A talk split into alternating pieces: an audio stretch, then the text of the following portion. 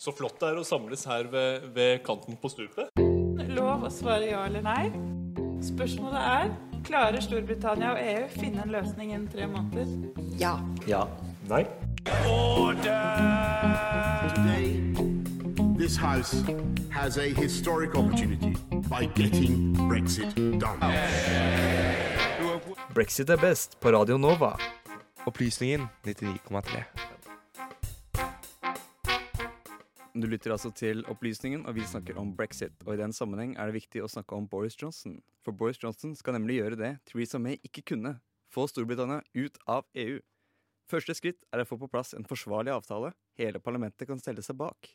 Hva inneholder Johnsons første forsøk? Nå skal du høre ukas opplysning på Radio Nova.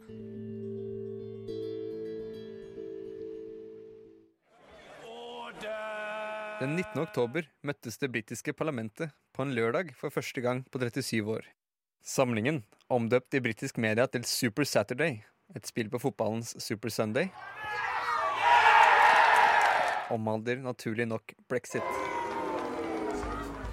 Gjenstanden for diskusjon denne høstfulle lørdagen var Boris Johnsons nyforhandlede avtale etter nok et toppmøte i den europeiske hovedstaden.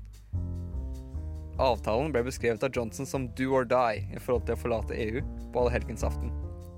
Today, this House has a historic opportunity to show the same breadth of vision as our European neighbours, the same ability, resolve to reach beyond past disagreements by getting Brexit done.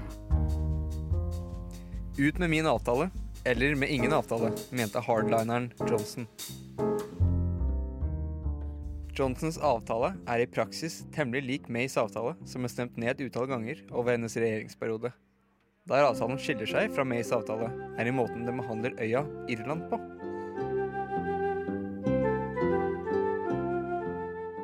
Nord-Irland har lenge vært gjenstand for mye hodebry for britiske og europeiske lovgivere. Den foreløpige løsningen var å inkludere Nord-Irland slash Irland-protokoll i den nye uttrekkelsesavtalen. Det har vært avgjørende hele veien at det ikke skal eksistere noen ubekvem grenseovergang mellom de to irske nasjonene. Our negotiations have focused on the uniquely sensitive nature of the border between Northern Ireland and the Republic. Above all, we and our European friends have preserved the letter and the spirit of the Belfast Good Friday Agreement and upheld the long standing areas of cooperation between the UK and Ireland, including Løsningen i protokollen fremmet av Johnsons regjering og Den europeiske union er at grensen skal trekkes i Irskesjøen, og det skal opprettes en formell, men ikke reell, grense mellom Nord-Irland og Irland. Hele den irske øya vil da i effekt være en del av det europeiske markedet, og tollsjekk vil foregå på hver sin side av Irskesjøen. Protokollen for Nord-Irland slash Irland vil gjelde Nord-Irland i fire år etter brexits overgangsperiode er fullkommen.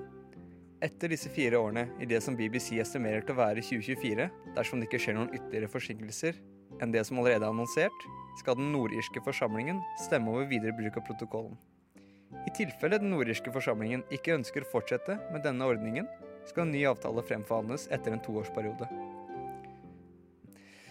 Bortsett fra disse spesifikasjonene omkring Irlands fremtid, er Johnsons avtale praktisk talt lik Mays avtale, som ble stemt ned et utall ganger. Nå som brexit har blitt utsatt til 31.1.2020, til Johnsons forferdelse, vil det være interessant å se hvor mye av denne avtalen vi ser igjen etter nyttår.